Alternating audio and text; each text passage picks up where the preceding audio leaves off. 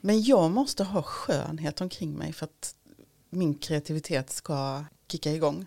Alltså sitter jag på ett fult tråkigt ställe, jag kan inte vara kreativ. Jag kan inte vara kreativ så här på en flygplats. Mm. Om någon ringer mig och sitter liksom på ett fult ställe. Jag, bara, jag är hemskt ledsen. om de, om de sitter på ett fult ställe, då är ja, då känner jag det igenom. jag bara, nej.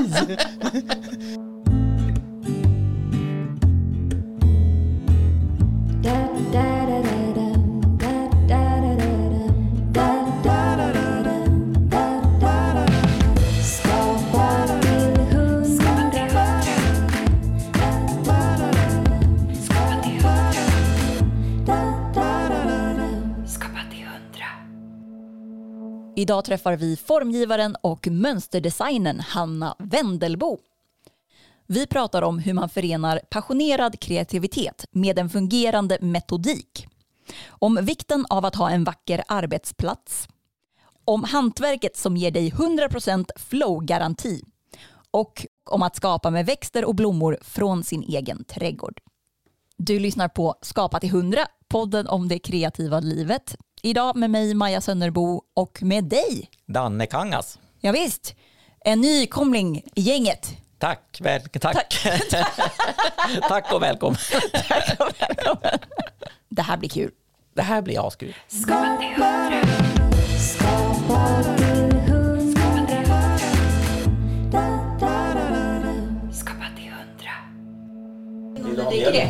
Eh, om du har så men bara precis så du touchar ytan. Okay. Inte så, så att det smakar mjölk. Ja, just det, just det, bara lite ton. Ja, exakt så. Egentligen borde man ju, vi som jobbar med färg på olika sätt, man borde ju säga hur mycket kaffe, hur mycket mjölk man har genom att ange kanske en CS-kod. Ja, eller Pantone. Pantone. Ja, funkar det också.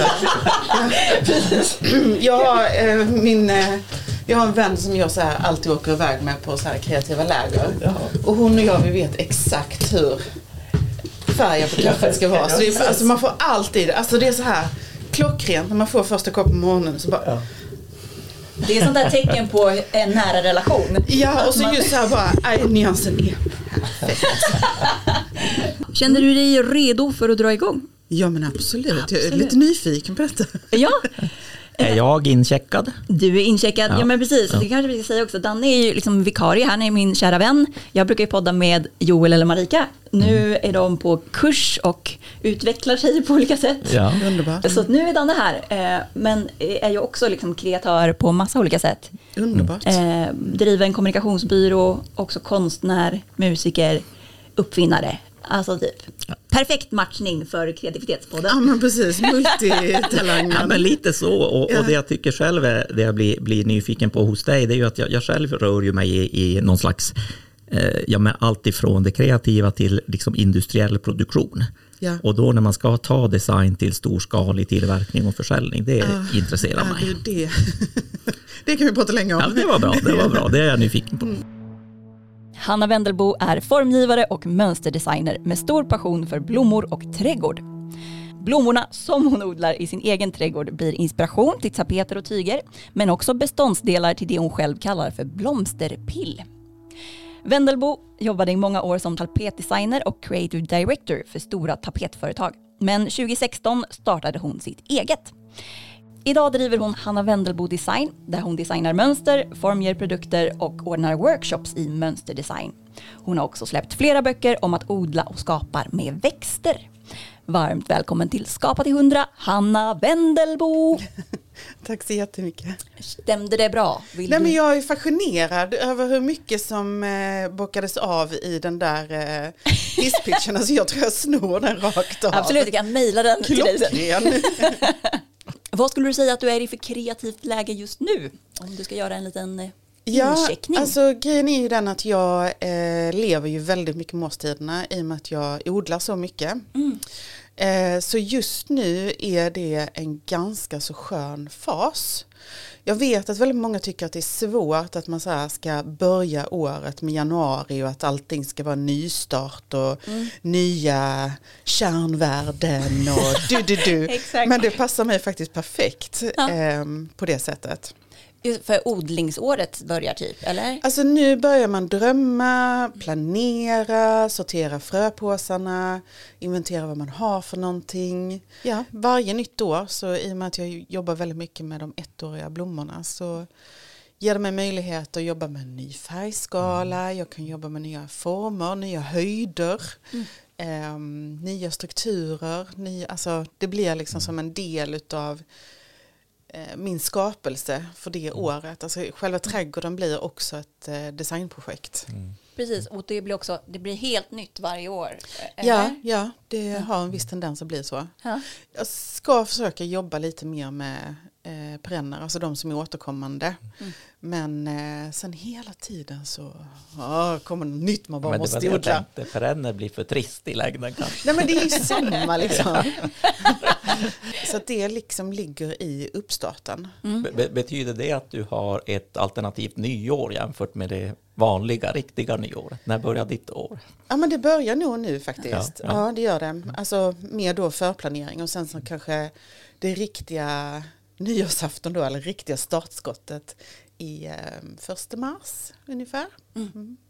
Så innan det så gäller det ju att sitta på händerna så att man inte börjar fixa med jorden. För då mm. går det åt mm. helvete för det finns liksom inte tillräckligt med ljus än. Men däremot så kan man ju hålla sig sysselsatt med händerna genom att rita och måla. Och det är rätt så tacksamt att kunna vara lugn i den fasen och inte ha någonting annat som pockar på uppmärksamheten. Just det, inte vara ute och gräva utan mer sitta lugnt Precis. vid skrivbordet. Ja, typ. mm. Mm. Men, men jag tänker du har så många strängar på din lyra. Vill, vill du berätta lite? Det låter som att så här, odlingen är liksom någon slags nav i hela din verksamhet. Ja, eller om det är blommorna. Det är blommorna. Ja, jag skulle mm. nu säga att det är blommorna som är eh, det jag utgår ifrån. Mm. Och sen om jag då eh, ritar av dem och använder dem i eh, mina mönster, alltså som formgivare eller fall jag skapar olika, en vas till exempel för blommorna genom att jag då hittar ett problem och då som designer och formgivare löser det problemet designmässigt. Um, så är ju det en bit och sen så är det ju en bit hur jag odlar blommorna, berättar om blommorna, använder blommorna i olika workshops. Mm. Jag använder ju blommorna väldigt mycket som en förevändning för att få lov att prata om färg och form. Uh, I mina workshops. Jag försöker liksom smyga in det här estetiska i allt jag håller på med. Jag försöker liksom paketera det på ett pedagogiskt eh, sätt till så många som möjligt. Men, men är det här liksom en, en uh, undercover-övning som du gör, att du försöker ge dem det de inte frågade efter? Exakt. Nej, men på så sätt så blir ju mina kurser också um, unika på ett annat sätt för att jag försöker aldrig hävda att jag är florist eller trädgårdsmästare eller så utan jag är rak med att jag är designer och formgivare och det är min ingång i om det så är i en workshop i eh, bukettbinderi eller om det är i rita mönster. Mm. Och då eh, tycker jag det är väldigt spännande att få lov att berätta lite grann om Ittens färglära och mm. Bauhausskolans estetik. Och, Ja, det låter som en mm. superhärlig kombination, liksom, att man kan komma in både från så designhållet, alltså ja. på dina mm. workshops, då kan man både komma, jag mm. kan design och färg och form, tycker det är kul, men jag kan också komma från växt. Jag tycker om att odla typ. Exakt. Eller gillar ja. blommor och sånt. Ja. Men det är väldigt, väldigt spännande för det finns en jättemålgrupp för detta. Eller vi är väldigt många människor som har den här önskan att uttrycka oss kreativt mm. men tycker att det är jättesvårt. Men om man då tar vägen över blommornas värld som mm. alltid är vackra mm. så blir det liksom, det kommer närmare till en och det går lättare för en att hitta sin kreativitet kan det vara så att man också, för, för, när jag pratar med mina kreativa vänner så kommer vi ofta tillbaka till det här med prestationsångesten. Att man, att man lite grann om man ska gå in en kväll och sätta sig och teckna så kommer det en press på en att man ska teckna någonting bra. Mm. Kan den tänkas vara lite lägre om man jobbar med, med blommor, trädgård? Definitivt, det är ju ett av bärande elementen när jag har eh, kurser i blomsterpill. Kanske jag ska berätta vad blomsterpill ja, är för någonting. Eh, jo, det går ut på att man har blommor som man då plockar sönder sina minsta beståndsdelar. Alltså de är ju då tredimensionella. Mm. Och så plockar man sönder dem så att de blir tvådimensionella, platta. Så alla blad i olika högar typ? Ja, precis. Och sen så eh, dekorerar man med detta nu i nya formationer. Man kan lägga det som eh, mandala, man kan lägga i symmetri, man kan lägga ja, men hur man vill egentligen. Mm. Och då blir det mer att man går in liksom i en övning och ser Ja, men här har jag eh, sex stycken likadana blad som tydligen ser ut på det här sättet. Om jag vänder på det bladet då så ser det ut på ett annat sätt. Mm. Och så blir man liksom helt inne i själva processen, mm. i skapandeprocessen, där man bara tänker på färg och form. Mm. Alltså man är helt inne i det och bara skapar mm. och liksom tycker att det är skithärligt. Och det som är så himla häftigt när jag har de här workshopen, det kan vara så 20 pers i ett rum och det är knäpptyst. Men mm. energinivån är så att det skulle kunna driva en hel bilpark. Ja, typ. Vad coolt. Ja. och det är liksom en väldigt udda kombination när man känner att energinivån är så hög och eh, ljudnivån är liksom noll. Mm. Att man knappt hör att folk andas utan koncentrationen är så fokuserad. Just det, för man får inte hålla på och hetsa omkring för mycket för då blåser de där bladen iväg. Ja, du kan ju inte liksom så skratta eller fnysa eller så här, ta djupa andetag för då bara wuff, flyger det iväg. Liksom. skrattande. ja, precis. Eller någon då som får för sig att nysa eller något Bara... men, men är det då så att prestationsångesten blir lite mindre jämfört med om vi säger att du bara har en penna och, och du har ett vitt papper? Att du har de här byggstenarna som är... Exakt. Och sen är det så att eh, jag kan svära på att samtliga deltagare kommer att uppleva flow mm. när de är i den mm. workshopen. Mm. Och det, det, är inte så lätt att frammana den känslan flow om man aldrig har upplevt den tidigare. Men när man väl har upplevt flow så är det ju som knark. Mm. mm. Och i min värld så definierar jag det som att det är lika delar av känsla av eufori, djup koncentration och tidlöshet. Mm. Så man vill ju bara vara i det här stadiet, man har ingen aning om hur länge det varar, mm. utan man vill bara vara i själva designprocessen. Mm. Men sen vid något tillfälle så kommer det då när jag bryter att nu har vi skapat färdigt, nu tar vi bilder på detta på vår mobiltelefon eh, och ser vad det har skapat. Och då går man in i andra delen av den kreativa processen och det är då värderingen kommer in. Mm. När vi helt plötsligt tar bort själva processen och vi börjar värdera fint och fult och bra och dåligt. Och det är det som är det negativa när vi helt plötsligt börjar koppla det till oss som personer. Mm. Och nej, det här blir inte bra, jag är inte bra. Nej. Mm. Nej, och det drabbas man ju av formgivare hela tiden, men man får ju liksom så här oh, försöka verkligen så här, tänka bort den utan nej det är processen och det är där jag hittar saker och det är där liksom nej men resultatet blev inte det jag hade förväntat mig den här gången kanske mm. men jag är inte dålig för det utan då får jag tillbaka in i processen och börja skapa igen och det är just den känslan jag vill förmedla till mina workshopdeltagare mm. och de flesta vilket är roligt om man håller på med blommorna precis som du sa att det blir så jävla vackert. Alltså det, är, det finns inte någon som gör något fult Nej. när de gör detta, utan det blir, det blir en sån skönhetsupplevelse. Mm. Och för dem då som många gånger går och värderas det de gör är fint eller fult, får då den här upplevelsen igen att gud jag har gjort något så vackert och så visar jag hur man kan framkalla det och göra kort av det som man kan då skicka med som presenter på. Mm. Ja, så eh, och då blir det så här bara, åh gud jag har skapat vad jag kan. Mm. Och det vill man ju uppmuntra, självförtroendet, tryggheten mm. i att man har möjlighet att skapa skönhet. Mm. Men jag tänker att om när man har upplevt det här flowet det, jag vet inte om det finns någon vetenskaplig bäring på det, mm. men bara min tanke när du berättar är att det kanske är lite lättare att vara snäll mot sig själv när man har haft det här flow-upplevelsen. Yeah. Att det var helt fantastiskt. Att då kan man se på det också med lite snällare ögon, för man är också i ett bra liksom, tillstånd uh. själv. Mm. Annat än att när man har suttit där med sitt vita papper i Word och att det är bara den här markören har blinkat i två timmar och man har inte skrivit något. den är inte bra. I know the feeling. Ja. Då känner man ju, då är det ju lättare Eller att man ha har den här skrivit men bara du, du, du, du. Exakt. Skrivit suddat ut. Liksom. Ja. Jo men det finns ju faktiskt forskning på detta med, med flow. Att eh, man säger det att flow kanske till och med har varit en del i vår evolutionära utveckling som mm. individer. Att alltså den här knarkkänslan, euforikänslan mm. vi har i det, det gör ju att när vi väl har kommit ut ur processen så vill vi gärna komma in i den processen igen. Mm. För att det är liksom när vi utvecklar och hittar på nya uppfinningar och nya saker, det är då vi liksom för mänskligheten framåt. Mm. Sen kanske inte vi för mänskligheten framåt genom att blomsterpilla, men helt plötsligt kanske man kopplar ihop synapser i hjärnan, kroppen, hjärtat, handen mm. som gör att man gör det sen när man gör någonting annat. Om jag googlar på flow-garanti, kommer jag till Då, dina... Ja, men det ska, jag ska jobba mer på den SEO så att det blir så. Men hur hittade du till blomsterpillet? Alltså var det något du hittade på eller? Eh, jag tror att det var en tendens som låg i tiden när jag snappade upp det och det var hösten 2014. Eh, mm. Jag jobbade då på, var anställd designer och formgivare på ett stort företag och där min kreativitet hade slottar i designprocessen. Mm. Det var så här att ja, men här har du tre veckor, nu ska du skapa och vara kreativ. Ja. Sen har du sex veckor och då ska tapeterna provtryckas. Mm. Eh, och sen så har du två veckor då du ska sitta med all administration och skriva ner eh, alla artikelnummer och Excel-dokument mm, och jag liksom bara så här, zoom. Döda mig liksom. Serienumren var inte det du gick igång Nej, på? Nej, och jag var så här, jag har allmänt svårt för siffror och liksom så här, ja. Om det är en nio eller en sexa, det kan vara lite så här, äh, skitsamma, det är en siffra liksom. Men det får det inte vara när man håller på med sånt, så det var liksom riktigt plågsamt. Ja. Och längtar jag ju hela tiden efter liksom tillbaka till den här kreativa delen i mitt jobb. Och det är ju konstigt då när folk säger, åh du har så kreativt jobb, man bara så här, Eh, nej, det har jag inte. Mm. Jag kan säga att jag har 12 veckor om året. Jag kan säga exakt när jag har dem.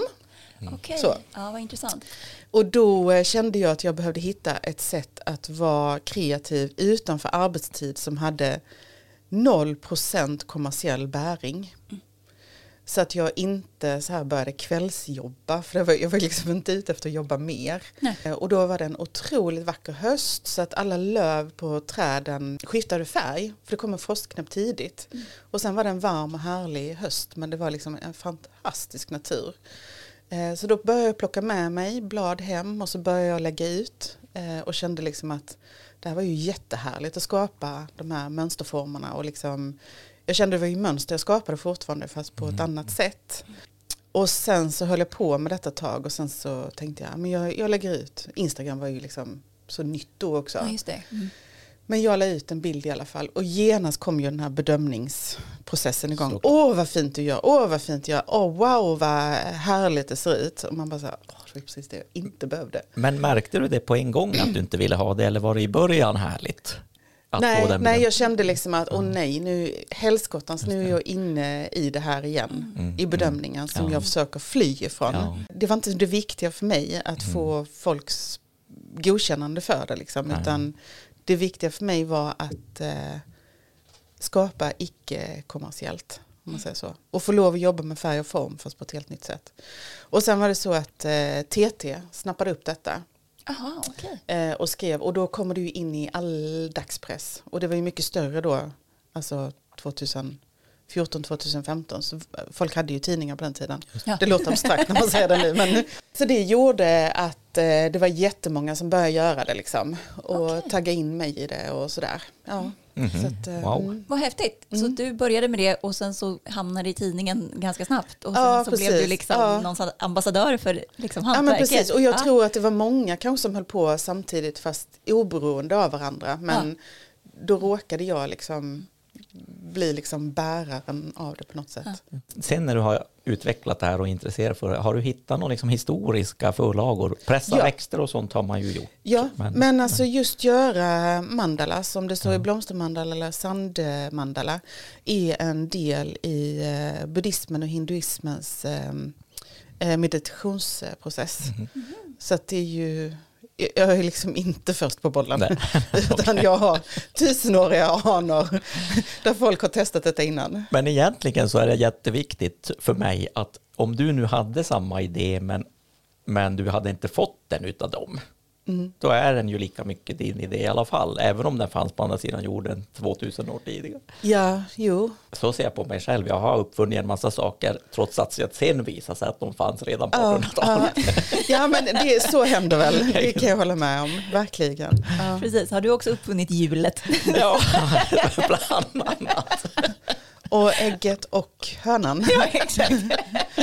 Lite så började ah, Wow. Nej, men jag tänker så här, det, när man tänker på det så tänker jag att blommor är ju så vackra. Alltså, Mm. att det är ju svårt att kanske, om man har ett estetiskt intresse, att det är ju lätt att tänka så här, åh, vad kan man göra med det? Alltså Mm. plocka in blommor har väl folk gjort i alla tider kan jag tänka.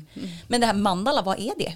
Är det Alltså, den här ringen? Ja, det är ju Krans? liksom att det är en, en, ehm, alltså en, en form. Alltså mandalaformen hade man ju ofta som så här, vad heter det, mm, halos, vad heter det? Runt. Jesus-figurer. Ja, men då är den ju formad, alltså så här som en mandelform. Som ett ljus, en ljuslåga? Ja, det kan man säga. Så ett spetsig i toppen och så rund ner till. Ja, Mm. okej. Men nu, du jobbar ju också delvis med det här. Du har ju bland annat gjort Ja. den här äh, till, vad heter det, Sveriges Radio, Ja. Sommarpratarna Ja, har gjort. ja. Jättefin så här, Ja. är, är det en mandala? Eller vad är Eh, det? Det är blomsterpill i alla Ja. fall. Ja. precis. Jag har ju ändå liksom från att det bara har varit en designprocess för mig. Mm. Eh, Eller en process att hitta flow. Så är det nu mera ett av mina uttrycksmedel. Och vad blir det annat än, alltså är- rent i din business liksom? Nej, men jag har ju gjort posters med det. Folk tycker det är vackert att ha på väggarna. Jag har gjort Mm. kort med det. Illustrerat en med skönlitterär bok. Också. Jaha. Okej, Ja. okej. Vilken då? En norsk kvinna, Trude Marstein. Okej. Alltså ibland så ligger så roliga mejl i ens inbox. Man bara så här, nej men tror du att jag kan göra det? Vad roligt, ja men vi testar. Men, men det var ju, jag tror att det var Maja som berättade för mig, du hade snappat upp någonstans att du hade sagt i någon intervju, typ att du la ganska mycket tid på att eh, drifta ditt eh, sociala medier-flöde, men att på uppsidan så behöver du aldrig ta kontakt med någon. Nej, jag har aldrig pitchat mig för någon någonstans. Kanske borde du börja med det nu känner jag, men eh, än så länge så svarar jag på volley. Ja. Skickar ut önskningar till universum. Just det, bra sagt. Men känns det bättre nu med det här, för du lägger väl fortfarande, du har ju ett jättestort konto på, på Ja. Instagram. Känns det bättre nu med det här värderandet, att folk kommenterar det du gör? Eller har du Jag tror jag har lite- vant mig lite grann Ja. vid det. Jag kanske är alltså, lite dålig influencer på det sättet för jag jagar inte likesen riktigt på det sättet känner jag. Utan eh, det som betyder något för mig är liksom när jag får det där DM efteråt. Där liksom någon har suttit ner och blomsterpillat och bara skickat så här tack för att du hjälpte mig att upptäcka. Alltså det Ja. driver mig jättemycket. Ja. Alltså, jag mår så bra av att jobba kreativt. Och jag önskar att så många fler kan få lov att känna samma sak och få den känslan. Det driver mig. Ja, det, det är ju som också min upplevelse att det är så den positiva känslan, eller den positiva sidan av Mm. eh, sociala medier, att man kan just få den här responsen som är Mm. Svårt att veta om det har nått fram annars. Det är Mm. ju helt fantastiskt. Eh, så det låter som en väldigt eh, så här hälsosam, eh, alltså typ att inte värdera de här likesen så mycket. Nej. Jag kan känna att det, jag har väldigt så här tveeggat förhållande till sociala medier, att det är både Ja. fantastiskt och skitstressande för att det är det här eh, man måste posta och man oj oj oj gillar inte folk det här och nej varför nog måste jag göra bättre. Alltså, Så det låter väl fantastiskt om du kan ha det en Ja men precis. Och sen är det lite grann så att jag vet ju vad jag ska göra för att få höga likes och högre interaktion. Ja, Men det är kanske inte så jag vill jobba så då Nej. skiter jag i det. ja. Låter förmätet va? Nej, men någonstans måste man väl komma dit, det tror jag. Ja, och jag tror också att det bottnar sig i att man liksom är designer och formgivare i botten. Att man säger lite grann, nej men jag har inte lust att ge folk vad de vill ha hela tiden. Nej. Utan jag kan ge dem lite grann då och då. Och så uppfostrar jag dem i någonting annat. Ja. Som jag vet att de kommer gilla sen. Men jag kan inte bara plisa med socker och grädde hela tiden. Nej, Ah, vad intressant. Vad, vad, är, vad är socker och grädde på sociala medier-språk? Ja, men då ska det vara en vacker bild. Eh, det ska vara att man får kunskap med sig, man ska få inspiration med sig. Man ska spara ner bilden och man ska eh, gärna väcka en fråga. Ja, bra recept. bra. Ja. bra recept. Men det får man inte alltid hos dig. Nej, inte alltid. Skapa till hundra. Ska vi prata lite om tapeter? det kan vi göra. För det tänker jag är, det är ju liksom din bakgrund och som du har jobbat Ja. med jättelänge, eller Ja, men hela precis. ditt yrkesliv. det kan man säga. Ja.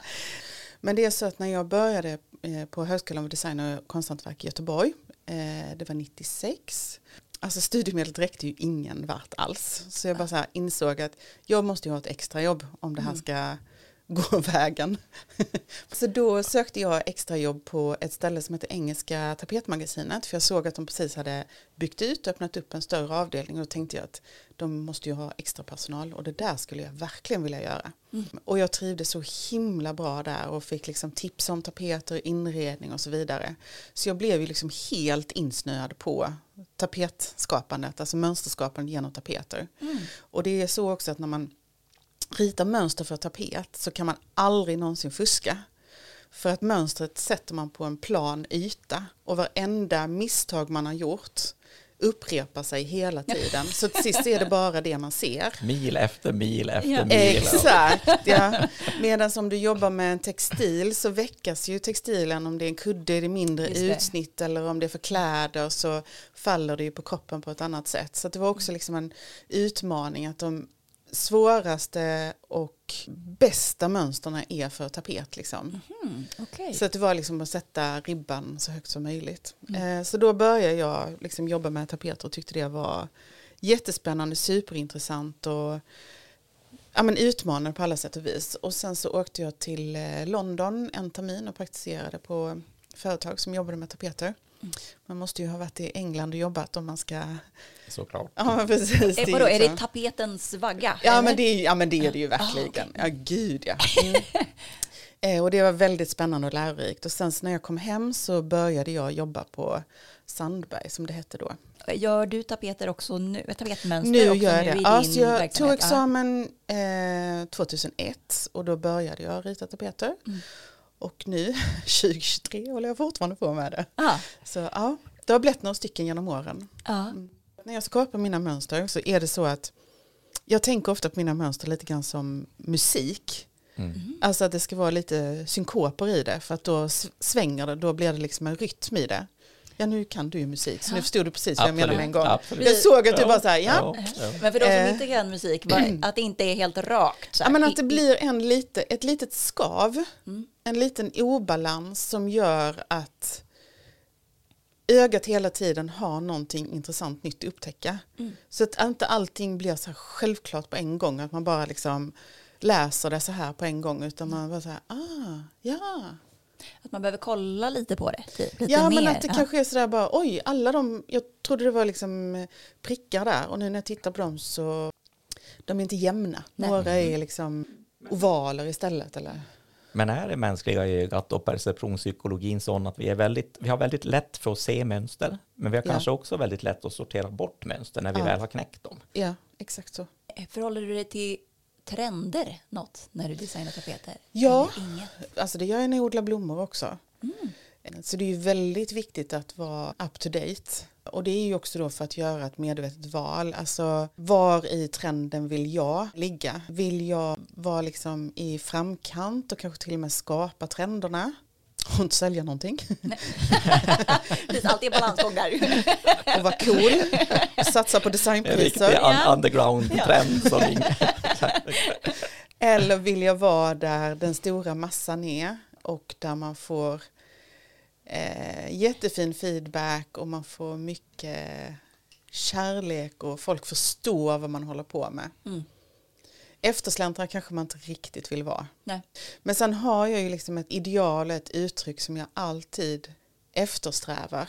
Men eh, just nu så har jag turen att det som är mitt ideal och det som är mitt uttryck ligger väldigt väl i trenden. Mm. Så ja, man får exakt. ju bara hoppas på att det håller lite längre. Ja. Men när man ser Josef Frank har ju aldrig gått åt tiden. Nej. Så nej. Att, eh, Nej exakt och du har ju eh, det här blommor, om man inte känner till din, ditt uttryck så är det ju mm. blommor och växter tror jag på allt. Typ. Allt ja. ja. ja. Så det inte Ibland får en liten fågel flytta in. Ja, ja, ja, Eller en liten frukt. Mm. Ekorre kan också mm, få mm, förekomma. precis, det är så långt du kan sträcka dig. Nej men precis, så jag tänker att det är också, det är ju på ett sätt ett tidlöst, alltså du har ett väldigt tydligt varumärke liksom som, uh, som designer, mm. men det är också kanske positivt för att det är ändå ganska tidlöst. Alltså, mm. Jag hoppas ju det, alltså hela tiden när jag skapar, det kanske låter förmätet, men jag tycker ändå i, i den här världen där det kommer nya grejer hela tiden, mm. så försöker jag liksom hela tiden så här tänka så här, ah, men det här ska vara morgondagens klassiker. Mm. Det här ska hålla både för ögat och handens slitage. Mm Gör det inte det så har jag jättesvårt för att pusha det och liksom omsätta det till en produkt. Hur, hur många mönster ritar du som in du kastar? Jag kastar inte dem men då sparar jag dem och så kanske jag använder någonting av dem sen Mm. till någonting annat. Just det, man behöver inte kasta allt. Det var bara Nej. typ att något inte blev... Ja precis. Och sen är det ju så att vissa mönster har man i huvudet. Och jag ritar dem kanske en gång om året men jag får inte ut den idén jag har. Men den visionen jag har i huvudet kan liksom bli så här tio olika mönster. Och jag bara blir så här fascinerad. Just det, så här när jag tittar tillbaka på det. Så bara, men de mönstren målar jag ju båda utifrån den visionen. Mm. Och det går inte ens att se att det är samma. Okej, vad Ja men det är liksom, ja. ja. Men, men apropå tio olika mönster då och eh, det som har hänt, man kan väl säga applikationerna, för nu har jag ju inte bara tapeter, det är ju tapeter och tyger och, och även då tygprodukter. Ja, jag har sett bara det, jag har googlat runt eh, förkläden och kuddar och handskar eller vantar och allt möjligt och koppar. Och, så. Hur, hur mycket har det påverkat dig i ditt, i ditt skapande att det finns en sån bred liksom, produktvarieté som det kan, kan landa på? Ja men det har ju alltid varit min dröm och målbild sen jag gick och utbildade mig på HDK. Att eh, få lov att vara där, där människor är i vardagen. Man är ju uppfostrad i den traditionen för den utbildning man har. Vad, förlåt, vad är du utbildad i? Alltså, vad är, är det grafisk formgivare? Nej, utan det då när jag gick, då på 1900-talet, Ja, ja. så hette utbildningen produktdesign. Och Mm. då läste man, det var en femårig utbildning då. Ja, jag har höga studieskulder. Absolut. Ehm, mm, eh, som jag fortfarande betalar på. Ehm, den designen vi höll på med, produktdesign, var liksom avgränsningen där var allt som inte har en mekanisk eller elektrisk funktion i sig.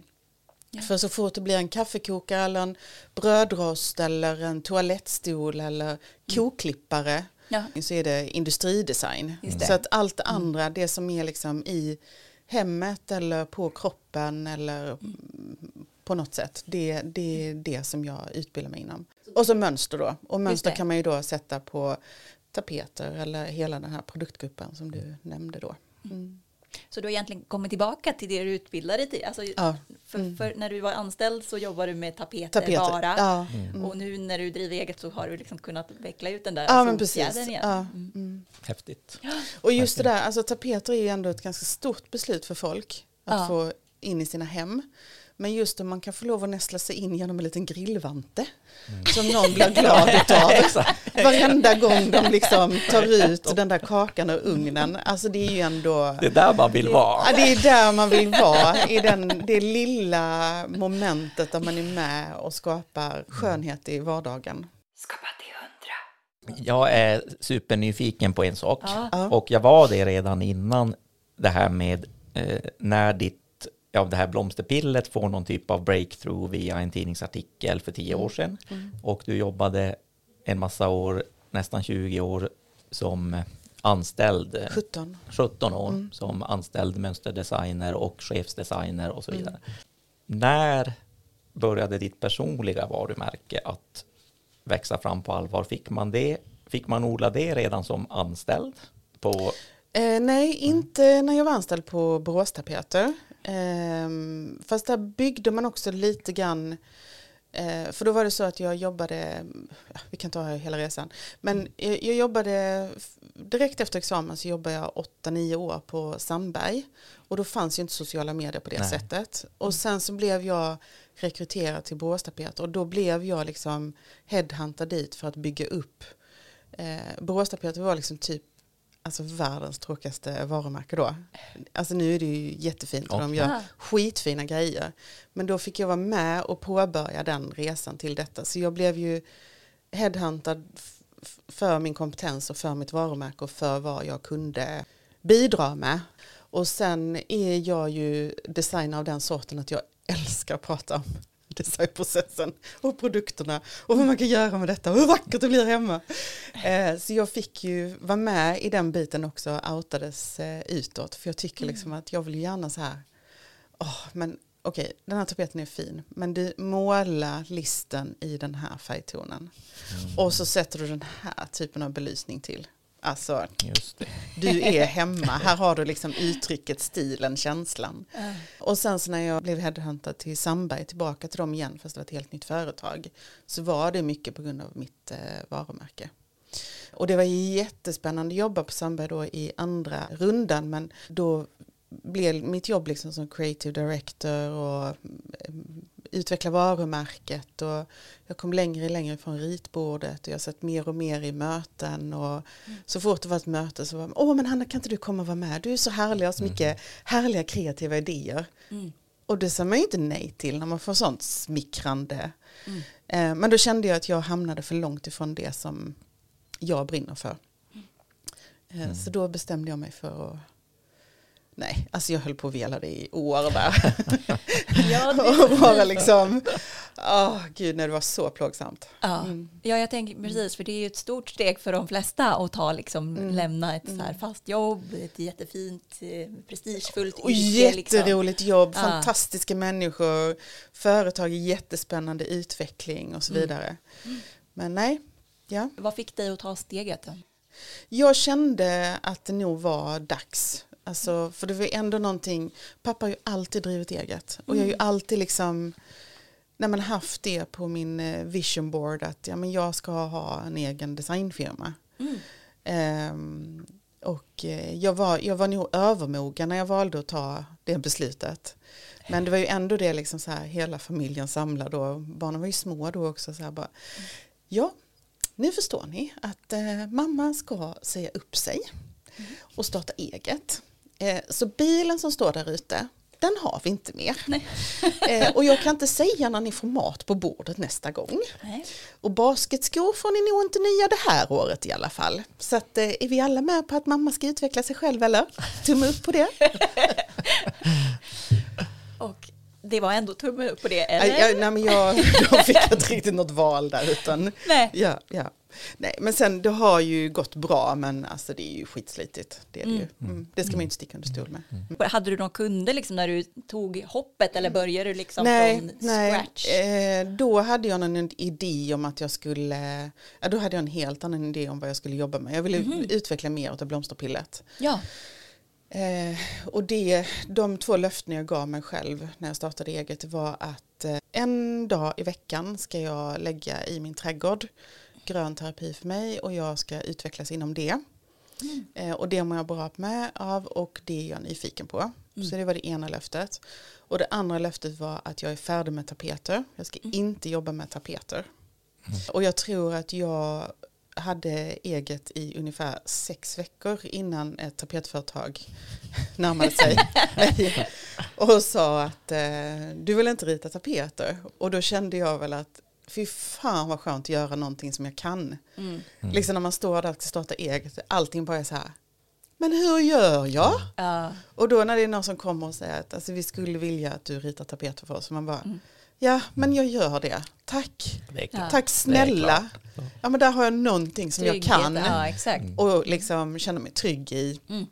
Mm. Jag vet hur det går till och då kände jag också så här, jag är typ den bästa i Sverige på att göra det. Så Ja. att, varför ska jag inte?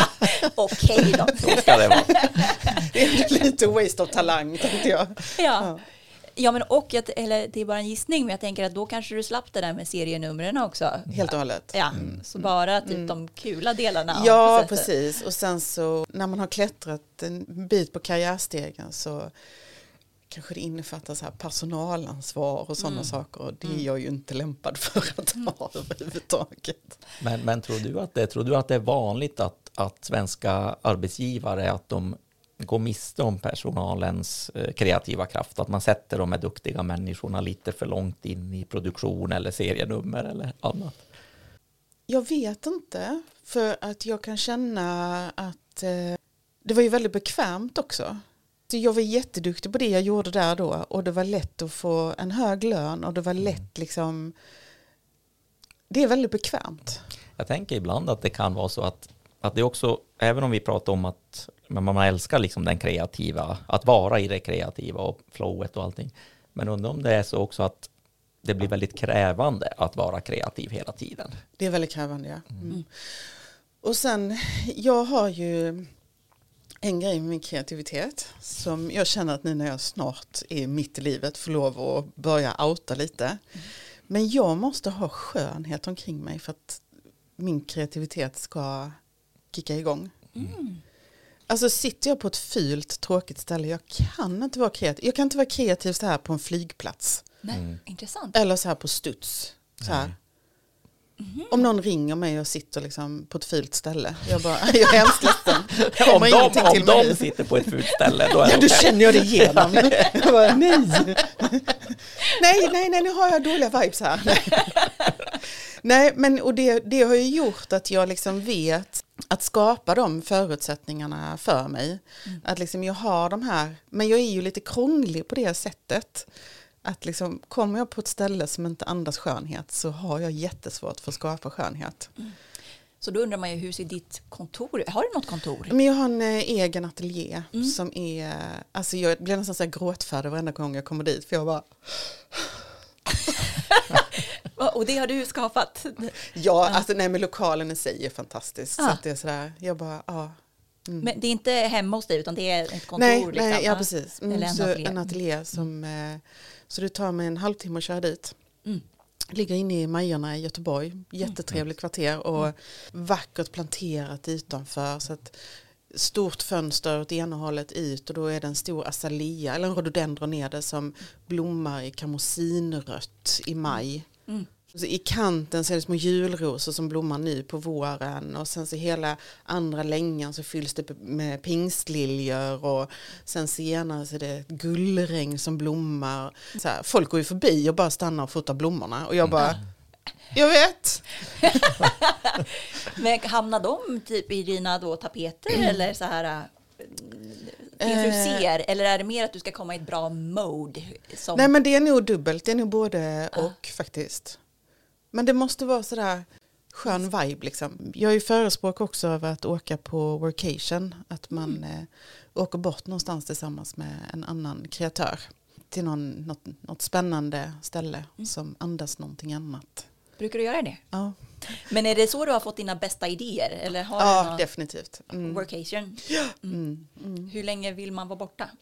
Eh, det är, man måste vara borta minst två nätter. Mm. Eh, för man måste ha ett orört dygn i mitten. Eh, men gärna att man adderar ytterligare en natt på det hela så att man får två orörda dygn. För ofta så brukar det vara att första dygnet går man runt och verkar och känner sig Alltså det är nästan ångest som slår på för att man mm. har då mm. byggt upp att man ska skapa och göra så himla mycket under de här få timmarna yeah. man är iväg. Eh, så då gör det liksom ont i kroppen innan det kommer igång. Så att andra, om man är bara är borta i två nätter så brukar det lossna efter lunch. Mm. Kanske mm. ett glas vin till lunch lite. lite. eh, men sen eh, eh, får man två dygn på raken så är det väldigt mycket som blir gjort.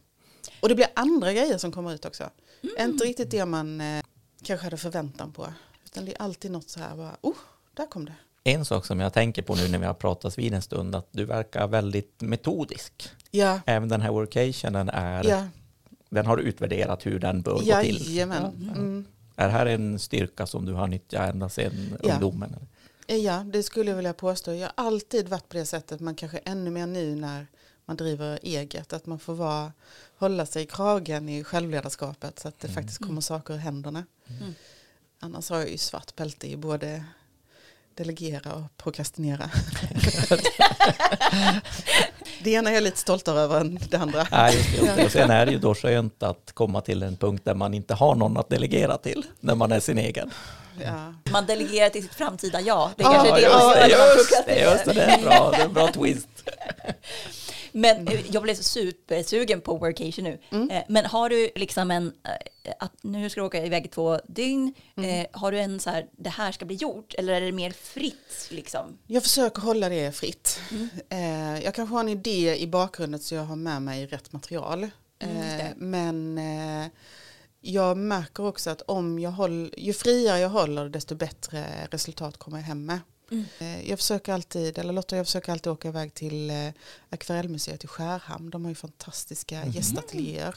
Mm. Eh, och då bor man liksom i en ateljé som är en eh, kvadratisk byggnad som ligger ute på vattnet. Wow. Ja, och allting är så här superasketiskt. Så att det är liksom ingen, man får inte räkna med att man ska ha någon hög komfort eller något sånt. Utan det är verkligen, alltså det är så cleant. Ja. Och jag föredrar ju att åka dit i alltså här, januari, februari, mars. Innan landskapet börjar blomma.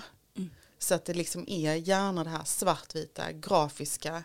Havet är grått, himlen är grå. Klipporna är svarta. Mm. Alltså det är, den, alltså det är så här reningsbad. Man bara liksom sköljer igenom allt, all, all förväntan man har sedan tidigare. Så det kan jag verkligen tipsa om. Mm. Ja, jag blir jättesugen. Jag åker dit. Bokar det direkt. genast, ja. Skapa till hundra. Ja, men du nämnde Josef Frank och så nämnde du någon gång tidigare det här med mycket manliga förebilder. Eh, och det där är ju intressant i tiden vi lever i. Och jag vet att du nämnde också att, vem var det? Då var det Carl Larssons Karin som hade mycket större betydelse än vad folk kanske visste. Eh, är det här något som du har tänkt på sen genom livet? Att eh, men bristen på eller tillgången till ja men det är, fakt- det är faktiskt en av mina stora drivkrafter i livet. Alltså så här. När jag väljer så väljer jag alltid utifrån en feministisk grund. Och det är nog utifrån hur jag är uppfostrad. Och det kanske låter jättefånigt men för mig är det superviktigt. När jag gick i skolan så, så här, ja, men när jag skulle räkna upp mina mönstergurus. Josef Frank, William Morris, Carl Johan De Geer, Stig Lindberg. Alltså alla dessa manliga genier.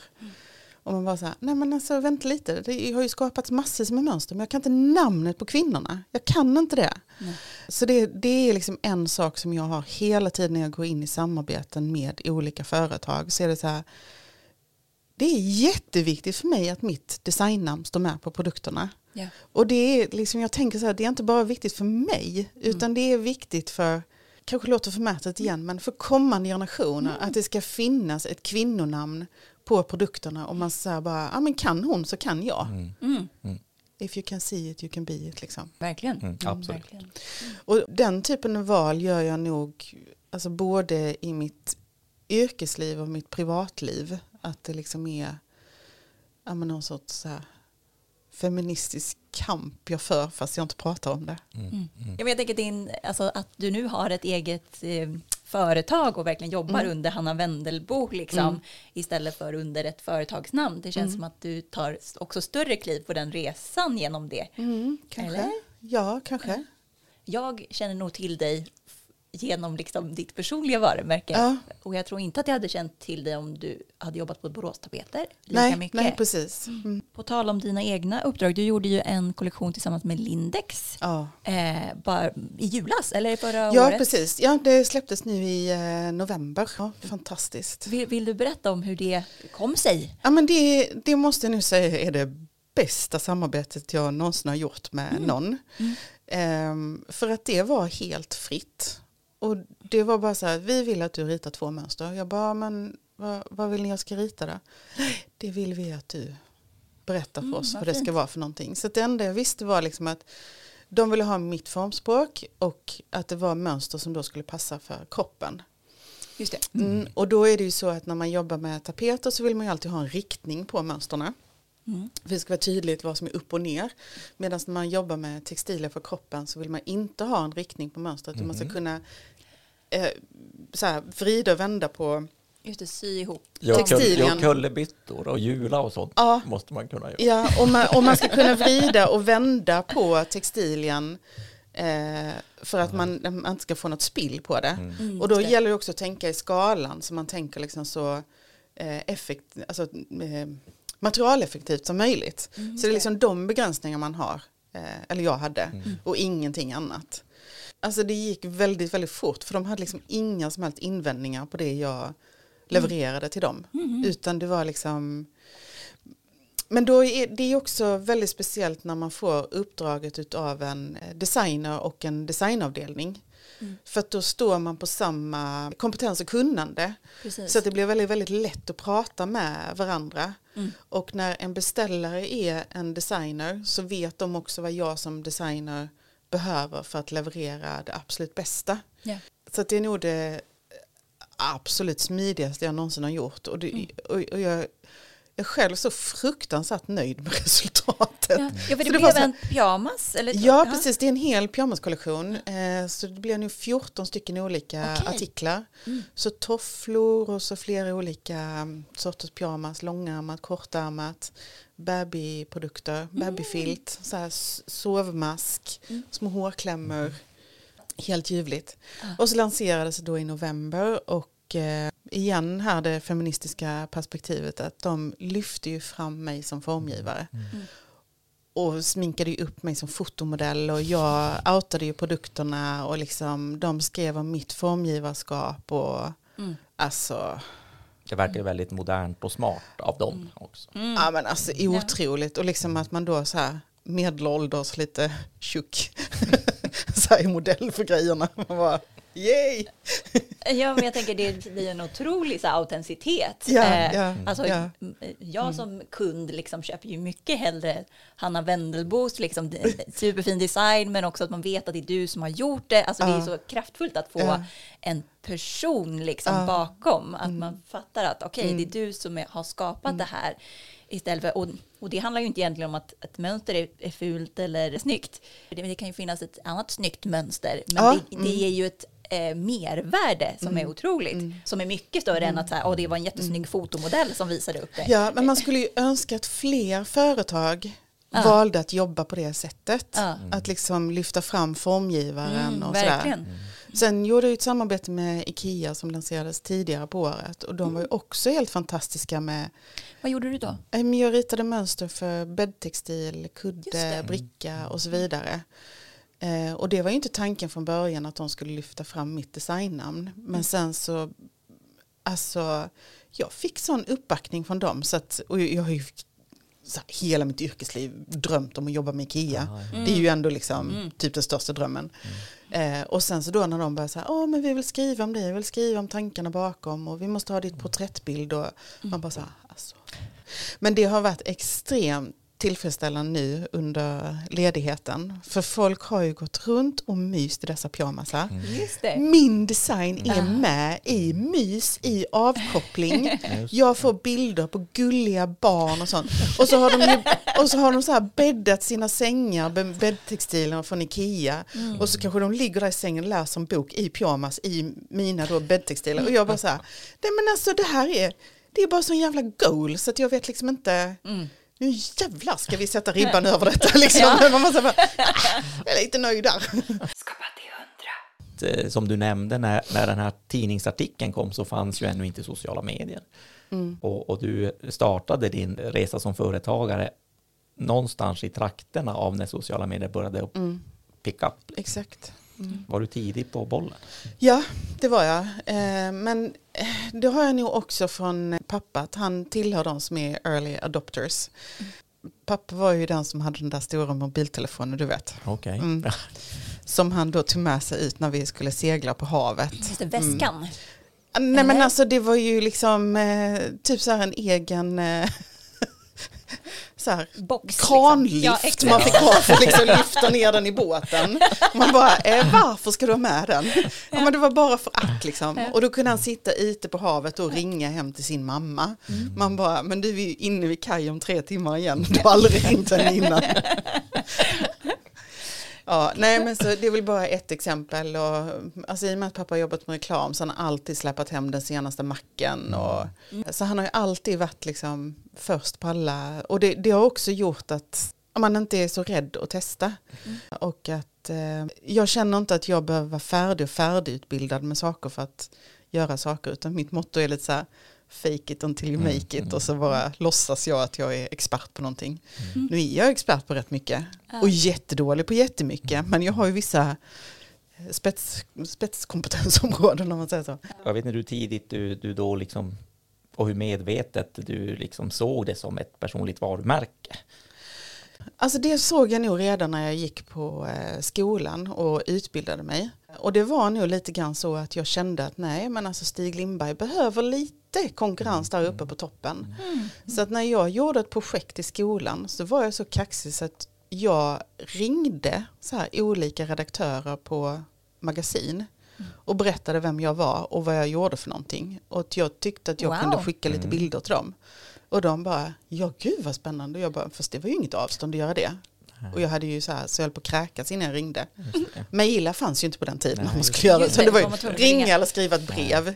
Så att det var faktiskt jätteroligt. Det blev ju också att jag tidigt fick kontakt med alltså journalister som skrev i tidningar och liksom började odla relationer med Mm. eh, inredningsjournalister. Men var fick Ehm. du det modet ifrån? Jag tänker det är superkaxigt om man börjar gå på skolan. Men alltså liksom. herregud, jag var, vad var jag, 25, det är ju då Ja. man är som eh, Precis, då- då hetast. Och sen var det nog att jag var så jävla uppretad på något, något sånt Stig Lindberg-tjafs. Ja. Så att jag bara, ah, men för helvete, det får ju hända någonting i den här världen liksom. Mm. Ja, fantastiskt. Och, jag, precis, och att och de faktiskt också skrev om dig då. Ja, Ja. Och då var det ju inte klasskamrater för de tyckte det var roligt. Men de som gick över mig tyckte ju liksom bara, här, hon har kommit in på en räkmacka.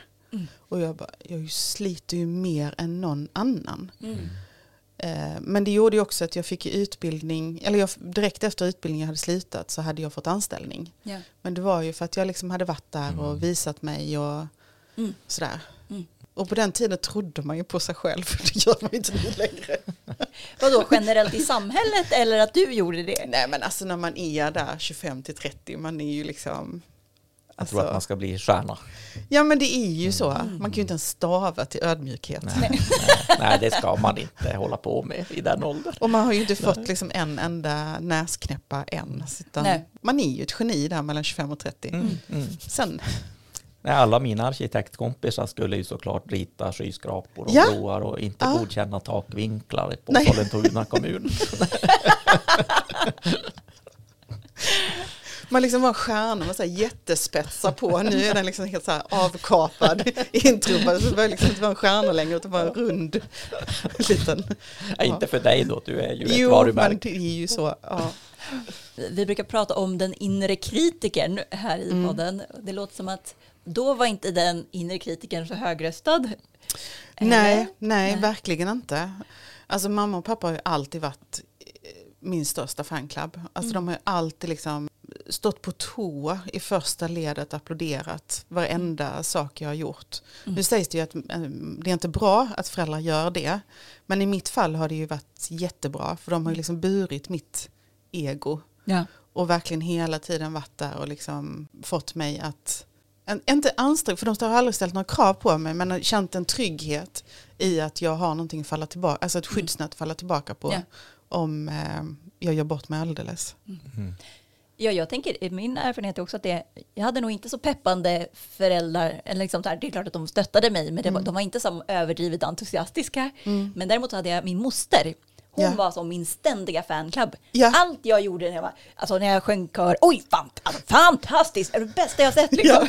Och jag visste ju det fast jag var tio år, att ja, ja, och Annika, jag tycker alltid att det är så himla bra. Så att man, men det var ändå som, det var sån otrolig trygghet och det ger så mycket liksom att man f- får den där lilla peppen fast man vet så här, ja, ja, så här, det, men ändå, det, det är så viktigt. Jag, ja, för mig och för min personlighet så har det funkat alldeles Ja. ypperligt. Sen är det ju så att så fort jag gör någonting så brukar jag också bolla det med mamma och pappa. Alltså det gör jag ju fortfarande idag om jag skrivit en text eller någonting att Ja.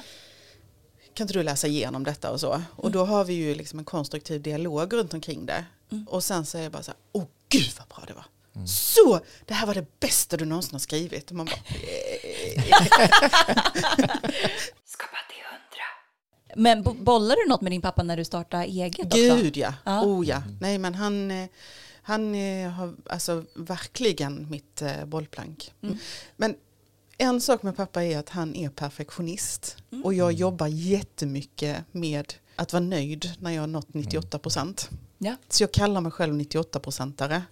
För att jag är liksom nöjd fram till 98 procent. Och oftast är jag på 98 procent vid deadline. Mm. Men sen har jag de där 2 procenten kvar. Som gör att jag inte kan leverera på deadline. Mhm. Och det är så smärtsamt. Mm. Ja. Så att jag jobbar jättemycket med att 98 procent är en jättebra nivå Mm. att leverera på. Mm. Känner jättemycket igen det där. Ja. Men jag tror också det har lite grann med manligt och kvinnligt att göra fortfarande. Mm. Att, eh, ja. Att eh, kvinnor mer ofta inte är nöjda? De där två procenten Ja. tror jag är kvinnoprocent. Ja, Ja. precis. Vad säger du Danne? Nej, men jag kan, nog, jag kan nog uppleva också att kvinnor och tjejer som jag har jobbat med och pluggat med, att de har lite högre press på sig själva Ja. på sluttampen där. Ja. Och det är inte alltid hälsosamt. Det är väldigt ohälsosamt ska jag säga. Men jag, jag har börjat tänka så här, för jag hatar uttrycket good enough. Det är typ det, alltså vill man provocera mig då ska Mm. man säga att gör bara good enough. Man bara, ja men fast, eller varför ska vi Fast göra det tackar jag då? inte jag till uppdraget. Exakt. Var, varför, det, vill man, det är väl jätteointressant. Men däremot så, här, så vill man ju också landa i great enough. Ja, men så här, det här är jättebra, men det är också nog. Det kanske är 95-98 procent Ja, men där. Man, de där sista två procenten, absolut det finns en större inre tillfredsställelse. Men för, för kunden eller för den liksom, mottagaren så är det ju ofta som att det är ingen som ser Nej, det är det. ingen som ser de Nej. två procenten, men Nej. ändå så är det de som är ont. Ja, Men, men det var ju, har du uppfunnit Great Enough själv? precis. Det var som att du hittade på hjulet eller? Men Jag Great tror- Enough är ju ja, fantastiskt. Nej, men jag, jag, jag tror det, men det kanske är andra ja, som jo, hittar ja, på det. verkligen. Men, men, det, men det är liksom... Nej, det tillskriver vi dig. Topp, det tycker jag. Det tycker jag. Precis, men jobbar du med det på något sätt i, ditt, i din vardag? Eller? Ja, jättemycket gör jag det. Men eh, alltså, jag försöker vara så supermetodisk verkligen. Så att jag liksom avsätter så här, så här lång tid tar det. Och då, då har jag har jobbat färdigt där vid deadline. Ja. Det är det liksom, det, det, det, det ska levereras då och jag kan inte ha, gå runt och ha den ångesten för de två procenten.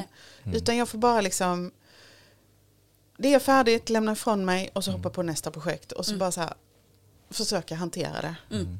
Men det är nog en av de största grejerna jag ska jobba med det här året. Ja, det är en ständig liten resa som Mm. Ja. man gör med sig själv. Ja. Liksom. Exakt, Mm. exakt. Har du något som du drömmer om som du skulle vilja göra framåt? Ja, massvis med drömmar. Eh, Men eh, i år så har jag uttalat en dröm till universum om att eh, få lov att rita mer mönster i mer bra sammanhang. Jag hoppas på ett mönsterår i år. Mm. Och då kommer ju inte det märkas i år utan det kommer ju märkas nästa år. Just det. För processen är så lång. Ja. Mm. Men och då kan det vara kläder och tapeter och allt Jajamän. möjligt, liksom. Ja, Mm. mm. Va? Men jag är ju lite picky när jag väljer mina samarbetspartner också. Så det är ju det att eh, Folk kan skicka in an- intresseanmälan. Kan du, kan du beakta det? Men en, en, eh, en sak som jag har undrat länge och det kanske är självklart någonstans, men varför, varför har det aldrig kommit mönster på saker som bilar och kylskåp och kaffebryggare? Ja, ja. Aldrig kanske att ta i, det har säkert dykt upp någonstans. ja men precis. Men vill man ha en prickig kyl? Ja, men jag tycker det, särskilt i en tid när, när det har varit trendigt med ljust och fräscht. Då hade man väl kunnat ha undan sig en prickig kyl eller en, en medaljongkyl eller någonting. Alltså det är ju några som har försökt så här att sätta mönster på fläktkåpor och bänkskivor och sånt. Det är kanske inte något område jag så här bara, "Oj, vill gå in inom. Som ett högriskområde får man ändå säga. Men jag tror det passar inte mitt formspråk Nej. och jag vill gärna jobba med mitt formspråk för Ja. jag tror att det blir som bäst då. Just. Ja, precis. Nej, men tapeter kanske är det närmaste man kommer så här bruksföremål med mönster ändå. Ja fast jag, jag skulle jätte, alltså så här, fasader på hus, Mm. Ja, det vore spännande. Mm. mönster på utsidan. Utsidestapeter. Ja, precis. Eh, Så här, mönster på balkonger, alltså så här, integrera mönster med växtlighet. Alltså, jag, alltså, jag drömmer ju ändå att någon gång så vill jag gå upp så här i skala och göra något så här sju helsikes jättestort. Ja, det kanske är spännande för så här offentliga miljöer. Exakt. Alltså, som kan vara jättetråkiga och bara är betong annars. Ja, Typ. mm. Men mönster på balkonger låter ju väldigt liksom rimligt. Eller hur? Det borde man kunna göra. Ja. Parkeringsgarage och kanske man integrerar det med växtlighet så att Mm, mönstret förändrar sig under säsongen och aj, jag har så mycket Mm, vad idéer. Vet du. Ja. Den får du inte sno med. Nej, jag kan inget om mönster, det är ingen risk. Kan inte sno någonting. Nej, Exakt. Jag kanske skulle vilja, men det, det är kört. Men jag tror att du kommer bli kontaktad av ett eh, Verkligen. arkitekt Det är snarare som att vi ska hjälpa till att pitcha det här nu med Ja men det kan vi väl podden. göra. Exakt. Ja, mm, mm, precis. Vill du tipsa våra lyssnare om något som inspirerar dig? Jag var i eh, New York i april i år och tänkte att jag skulle få sån här superboost inspiration. Men istället så blev jag så här så övertygad om vad jag håller på med och vad jag behöver och eh, vad jag tror människor behöver. Mm. Vadå för att det var så mycket betong där typ? eller? Ja, ja. och att när man går där i fyra dagar så har man bara asfalt, betong, hårdgjort material under fötterna. Mm. Och så ser ju inte min vardag ut. Nej. Utan min vardag är ju liksom att jag går ut i trädgården, går på ojämnt material, går och ger hönsen mat, pratar med dem. Mm. Så gammal har jag blivit att det är liksom livets eh, härlighet. Mysigt. Släpper ut hundarna, eh, laddar energi och den känslan tycker jag skulle vara så spännande att jobba mer med. Alltså när jag är i den känslan så känner jag en jätteinspiration som jag skulle vilja göra någonting med. Så tipset är åka bort för att hitta hem. Typ. Ja, det tror jag, ja men det tror jag verkligen. Och man behöver inte åka jättelångt bort egentligen. Men att man utsätter sig för någonting annat än det, det. man eh, tänkte. Om man har lyssnat nu på dig och blivit superinspirerad och tänker så här, åh, jag vill bli som Hanna. Mm. Eh, och också jobba med naturen och mönster och grafisk form. Var ska man börja? Bra fråga. Alltså på min tid, när jag var ung, så var ju liksom, eh, då skulle man ju gå i skolan och utbilda sig. Så jag har ju en lång universitetsutbildning i design i bakgrunden. Men jag är inte helt hundra övertygad om att man måste ha det i dagens samhälle. Jag tror att utbildning är jättebra att ha, men jag tror inte att det är den enda vägen framåt. Utan att det finns väldigt många andra vägar. Så jag tänker att eh, öppna upp och ta rygg på dina idoler. Öppna upp för samtal och idag i liksom världen med sociala medier så är det ju superlätt att bara skicka ett DM till Mm. någon. Ja, Och då är det ju väldigt bra om man kommer med en specifik fråga så det inte bara är så här lullull och massa Hej, hej. härligheter och eh, så här. Man bara känner okej här fick jag hela ditt liv i ett litet DM där jag ska svara med en, ett finger. Utan att man kanske ja, men börjar på ställa en hantverksrelaterad fråga kanske, eller? ja eller eh, får jag bjuda dig på lunch? Ja, bra tips. Mm. Och sista frågan. Vad är ditt bästa tips för att bli mer kreativ? en skiss om dagen. Kreativitet föder kreativitet. Då gör jag som så att jag, just nu har jag ett litet skissblock. Ett ganska, alltså det är 10 gånger 10 cm stort. Jag ställer mobilen på 10 minuter. Sen måste jag ta första bästa material som ligger. Är det akvarellfärgerna, en kulspetspenna, en blyertspenna eller vad som helst. Där får jag inte lov att välja riktigt för att det handlar inte om det. Sen sätter jag mig ner och skissar 10 minuter. Och när klockan ringer är jag färdig, slår jag ihop blocket. Bra, Underbar övning. verkligen. Och det är, ehm, alltså det, det slår inte fel för att om det första dagen var ett motstånd att sätta sig ner så är det inte något motstånd när man har hållit på i en tio dagar utan då är det bara så här och det gör ont när klockan ringer och man måste slå ihop Just det. Och man bara åh! Och det är någon typ av, av, intensiv eh, light flow som du hinner komma in i. Exakt. Mm. Och tio minuter det har du alltid. Mm. Det har du varenda dag. Ja. Precis, och man fortsätter inte på den sen då, utan det är bara processen att man ska göra Eh, det. jag brukar alltså grejen är den när jag har den här skiss om dagen så är det ju så att rita är ju mitt jobb. Mm. Men en skiss om dagen så måste det inte bli någonting Nej. utan det är bara precis processen. Ja, Men sen många gånger så upptäcker jag ju att och den där, just det. och så gör jag den färdig men då är det utanför en skiss om dagen. Då kan du lyfta in den till ditt jobb. Till mitt jobb ja. Mm. Just det. Men då är ju kreativiteten redan igång. Mm, Men om man vill öka sin kreativitet så är det en skiss om dagen som är, alltså, ja, det bara kommer. Det är som att trycka på en knapp. Fantastiskt. Mm. Tack snälla för att du ville komma hit. Tack snälla för att jag fick komma. Jag känner mig jätteinspirerad. Verkligen. Tack så mycket. Och kreativ, exakt. Skapa till Skapa till hundra. Om du gillade det här samtalet så ska du klicka på prenumerera direkt i din poddapp så missar du inte nästa avsnitt. Jag klickar direkt. Klicka direkt, perfekt. Hur känns det efter premiärpoddningen? Det känns fint. Det var väldigt tryggt och ombonat och gott kaffe och kakor och allt kändes bra redan från början. Jag är svinnöjd. Oj, oj, oj. Nej, men det kommer bli jättebra podd. Hon var svinhärlig, du var svinhärlig. Jag tycker det hade, det märks ju inte. Har du poddat förut förresten? Jag har aldrig, jag har en enda gång blivit intervjuad i podd, men jag har Ja. aldrig intervjuat. Nej? Nej. Men du är natural born.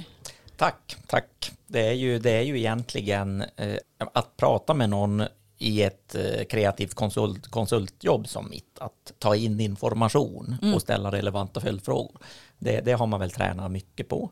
Men, men det är ju alltid så med nya miljöer, att ha en mick i ansiktet och förhålla sig lite till att inte prata för mycket i mun på varandra och så vidare. Så det adderar ju en liten, Ja, en liten självmedvetenhet som, som man inte har när man sitter i ett mötesrum och pratar med en, med en kund eller med en kollega. nej men exakt. Nej, du sa, du sa precis när vi lämnade att du, du tyckte att det var vissa, vad du sa, när, när man ska skratta eller vad sa du? När man ska skratta eller gråta. nej, nej, nej, nej, men eh, och det här tror jag gäller i hela livet generellt att leverera någon typ av seriös arbetsinsats eller närvaro. Det, det kan man göra även när man har en dålig dag. Då kan man få jobbet gjort, man kan prata om det som är relevant, man kan ta det till nästa, nästa steg i processen. Men att ha den där avslappnade närvaron så att man skrattar lite från magen och man ställer någon tokig följdfråga och man spårar ur lite grann. Eh, det tror jag gäller för nästan alla, att man behöver känna sig trygg och varm i kläderna för att den dimensionen ska öppna upp. Det är ju verkligen, alltså jag och Frida som startar podden, vi hade ju aldrig poddat innan och alla som har kommit in liksom i teamet sedan dess har ju inte liksom varit några proffspoddare liksom. Och det är ju verkligen så upplever jag att man bli, måste bli varm i kläderna. Jag var så jävla nervös, eller inte, det var precis det du, som du skriver de första fem intervjuerna tror jag, de första fem poddarna, att jag vet inte, vissa intervjuer tyckte jag att jag knappt sa något. Och när jag lyssnar på dem i efterhand så tycker jag inte heller att jag säger något. Men att man liksom fastnade på insidan av sitt skal Ja, på något lite väldigt konstigt sätt. Och, ja, men och så har nog alla våra processer sett ut. Att, och det är väl just det här att hitta avslappningen i det. Ja, och sen är det nog, tror jag, det har jag tänkt på, för självklart är det så att gästen är ju liksom stjärnan. Ja. Eh, och så ska man ge utrymme till, till stjärnan. Eh, och samtidigt så har jag märkt i, i vissa samarbeten i mitt, i mitt övriga liv att det betyder extremt mycket att vissa personer har en naturlig förmåga att träffa statsministern och agera som att man är på samma nivå. Och det, jag vet inte om det är något man ska rekommendera en, en intervjuare, men, men kanske. Jo, det tror jag också. Mm, Jo, det tror jag i ett, eh, med reservation för att jag inte är skavlan.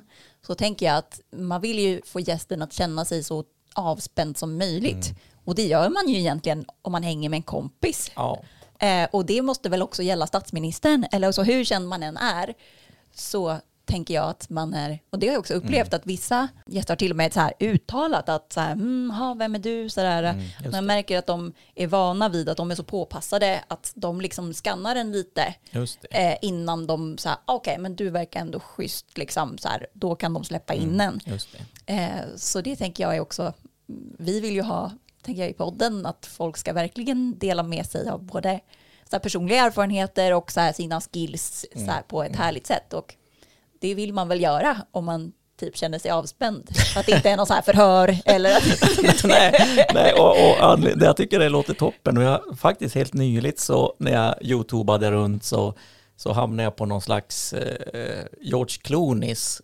intervjutips. jaha, oj, kan man säga, spännande. det hade någon annan rubrik. Men han har som en teknik att han, att han ger komplimanger till den som ska intervjua honom. Mm. Och det var något lite, de visade någon sekvens där han, han berömde den här eh, lite yngre journalisten att vilken snygg tröja och, och, och jäkla vilken bra fråga och Ja. att han liksom peppar journalisten. Vad intressant att han har en intervjuteknik för att bli intervjuad. exakt, exakt, exakt. Aha, men okej, men för att också göra typ eh, journalisten också avspänd typ, eller? Jag vet inte om, om det är en medveten teknik överhuvudtaget nu när jag tänker efter, men det presenterades lite som att han hade ett maner kanske snarare än, en, än en teknik. Och, eh, och sen är det väl, han är väl, han är väl presenterad som att han är en av världens charmigaste män.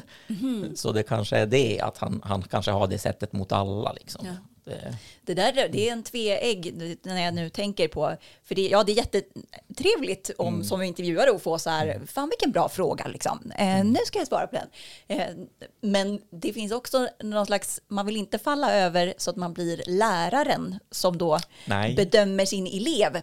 Åh, det, åh, det var, nu, nu lyckades du där med din lilla tanke. Du. nej, nej, verkligen inte. Men jag tror att, att absolut så är det nog så i, i alla mötes och intervjusituationer så att är man duktig på att ganska snabbt eh, skapa ett avspänt klimat så vinner båda på det. Ja, verkligen. Verkligen. Ja, du vet, nu kommer du vara den stående vikarien här nu framöver. Det låter jättebra. Jag, jag hade faktiskt när jag, och jag tänker på honom ofta, eller inte så, inte så jäkla ofta ärligt talat, men, men när jag gick på högstadiet så hade vi, och det kanske alla skolor hade, men på bolagsskolan där jag gick högstadiet så hade man en fastanställd vikarie. Hasse Oj. Svedell. Hans jobb var att hoppa in när andra lärare var sjuka. Som flygande målvakt. Ja, exakt. Flygande målvakt. Så jag tar gärna den rollen Ah. om ni får eh, utbildningar eller magsjukor eller annat som kommer emellan. Ja, men precis. Men nu måste du berätta, eh, du som eh, har alla dina kreativa skills på din lyra, vad, har, vad tog du med dig från samtalet med Hanna? Eh, man kanske, eller man, jag ska inte säga man, men jag kanske sysslar ganska mycket när jag, när jag träffar människor på att liksom inte, inte spegla mig direkt, men att, att man kanske tenderar att förstärka sina egna sidor och, bekräfta det man själv redan är bra på. Och det kan det här vara ett exempel på, för att jag tycker att Hanna är väldigt spännande på det sättet att hon har en väldigt stark liksom, eh, passion och en stark kreativitet. Men flera gånger under samtalet så kanske jag pushade lite grann så vi kom tillbaka på hennes den här också väldigt starka metodiska sidan. Eh, och det tycker jag är imponerande. Och, och hon hade kommit väldigt långt i den typen av, eh, fick jag känslan av, i den typen av liksom resonemang kring hur man håller liv i kreativiteten, hur man återskapar sin kreativitet en gång per år genom att åka på kreativ workation med en kreativ kollega. Och, Ja, nej, men, och jag älskade det också. Jag tyckte det var superinspirerande. Och, jag, och du har väl kanske rätt i att det är sådär, om man själv är inne och tänker på någonting, då blir man liksom jätteglad om någon gäst säger det. man bara, ja, nu är jag inne på rätt spår. och hela övriga tiden så zonar man ut. Ja, nej, men jag är också väldigt intresserad av just det här struktur kopplat till kreativitet. Eh, för, för, för mig är det också som en... Också för att jag nog inte är så bra på det. Eller jag har en sån önskan om att vara strukturerad och jag upplever att jag mår bra av det. Men det är också som en, en balansgång. Min kreativitet dör typ om det bara ska vara så här. Om, om dagarna är som ett rutnät. Den här tiden ska du äta frukost, sen ska du göra det, sen ska du göra det. Alltså typ så här, då funkar det inte för mig. Men samtidigt så, men är det också bara helt kaos, då funkar det ju absolut inte. Och det blir inte produktivt heller för fem öre. Nej. Så att hitta de här elementen liksom som är, det här mår jag svinbra av, det här funkar bäst. Liksom. Jag tänker man har så mycket att vinna på att skapa en, metod för det. Verkligen, verkligen. Sen, sen tror jag också att, att metoden så att man kan slappna av i sin kreativitet, om man är, men låt säga att man är ja, men i en tid där många skapar digitalt. Eh, bara en sån sak som att eh, Låt säga att man är formgivare, kreativ formgivare och gör tonvis med digitala skisser och så vidare. Eh, eller som han också var inne på att eh, det här med ja, men alla bilder man tar i mobilen och eh, om man är duktig på att ja, men bara en idé, om man är duktig på att arkivera sina kreativa idéer så, så får man kanske lite mer belöningskänsla och utdelning utav att kunna gå, hitta tillbaka till dem när det Exakt. ringer någon klocka. Att det där Exakt. Ja men precis, för att det handlar ju om att man ska typ kunna vara så kreativ eller vad man nu vill vara som möjligt eh, och inte spendera den här eh, två timmars luckan eller eh, en halvtimmes lucka som man har på att leta efter skit. Nej. Eh, det läste jag någon forskning om att det är liksom, man har sett att ja, men det tar, nu ska jag inte svära på att det här är sant, men liksom att det tar 45 minuter i genomsnitt att leta upp ett dokument. Alltså fatta hur Ah. mycket tid som, som försvinner. Ja, hade du en timme över för att göra det där och så använder du 45 minuter på att leta efter dokument. Alltså det är ju så otroligt puckat. Eh, och det är ju inte kul liksom. Nej, nej. Eh, så tråkigheten som det innebär att ta den här minuten och lägga dokumentet på rätt ställe har man ju igen ganska många gånger när man sen när man får den kreativa liksom eller så här åh nu, nu vill jag göra det här eller nu kommer jag på det här.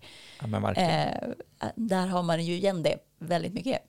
Och nu sa ju du att du inte kunde svära på det här, men, men jag kommer att göra så här att jag kommer ta det som om det var sant. Ja. Jag kommer, jag kommer vidare berätta det som om det var sant. Ja, jag har lärt mig det på en kurs så att det är nog, eh, från trovärdig källa, från iManagement där jag gick en jättebra kurs under nu under hösten. Eh, så det är de som helt klart, det finns forskning på det men jag kan inte svära på att det var rätt siffra. Jag kan återkomma med Ja. det om det, om det känns viktigt. nej, nej, nej, jag kommer använda det. 45 minuter är till min fördel i det sammanhang jag tänker Ja. använda den. Det kommer du säga till dina anställda. Ja. ja. Exakt så. Ja, nej, men det är, som, det är som tänkvärt när man får så här äh, siffror på det. Eh, att man bara, ja, det, det är därför man ska ta sig tiden liksom. Så är det, exakt. Och det är ju också det är många av oss som, som jobbar, och jag tror inte det, det gäller absolut inte bara det som kallas för kreativ sektor, det finns många sektorer som är kreativa. Men, men det är klart att man måste, få, man måste få ägna sin energi åt det som känns lustfyllt och, och ja, kreativt. Att inte leta efter dokument, inte rodda med sån där mikroadministration som Ja, eller, eller och det behöver ju faktiskt inte ens vara kreativt. Det kanske bara är någonting som man behöver få gjort. Ja, belöningskänslan är ju där ja, ändå. liksom. få det gjort och sen är det klart liksom. Exakt, exakt. Och det, men det, apropå den där, den där biten så tror jag att dels så är det ju eh, att få saker och ting gjort är belönings, det, det liksom per automatik ger en belöningskänsla. Men, men sen tänker jag också, apropå känsla då, att när vi pratar om kreativitet och att vara kreativ och att få utrymme för det kreativa, ut, att återskapa sin kreativitet, så tror jag också att man ibland behöver påminna sig om att känslan av kreativitet är inte konstant. Nej. Utan ibland är man mer kreativ än det känns som. Eh, och det kan bero ibland på att man har gjort ungefär samma sak ganska många gånger. Då avtar kreativitetskänslan. Just det, att man inte ser sin egen kreativitet. Nej, man blir lite hemmablind Ja, för sin egen mm. kreativitet. Och, och det tror jag att man kan behöva göra någon liten ja, men påminnelse motsvarande en tacksamhetsövning på något vis. Att det här är faktiskt ganska kreativt. Just det, men jag gör det varje vecka. Så Ja. för mig är det vanliga frukostflingor. Ja, typ. men lite så. Ja. Lite så. Sen behöver man säkert, det, det är väl så att när man får vara, ska vi, in, ska vi introducera termen nykreativ? när man får vara nykreativ så känns det mer kreativt. Just det, Ja, exakt. ja, när man ja. får närma sig ett nytt hantverk. Eller, ja. ja. mm. Öppna den där nya målarboken. Ja, men exakt, exakt. Någonting Mm. som man inte har gjort tidigare så uppfylls man utav, Mm. utav en mycket starkare kreativitetskänsla tror jag. När känner du dig som mest kreativ då?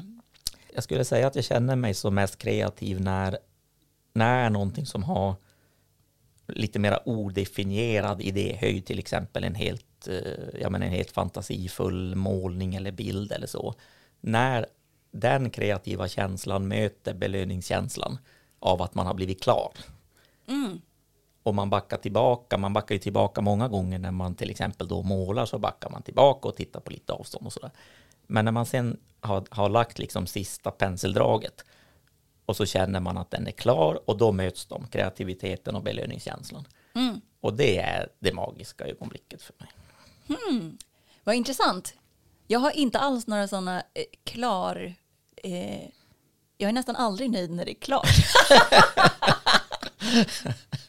Nej, men, eller, jag kan vara nöjd eh, i alla fall i vissa fall.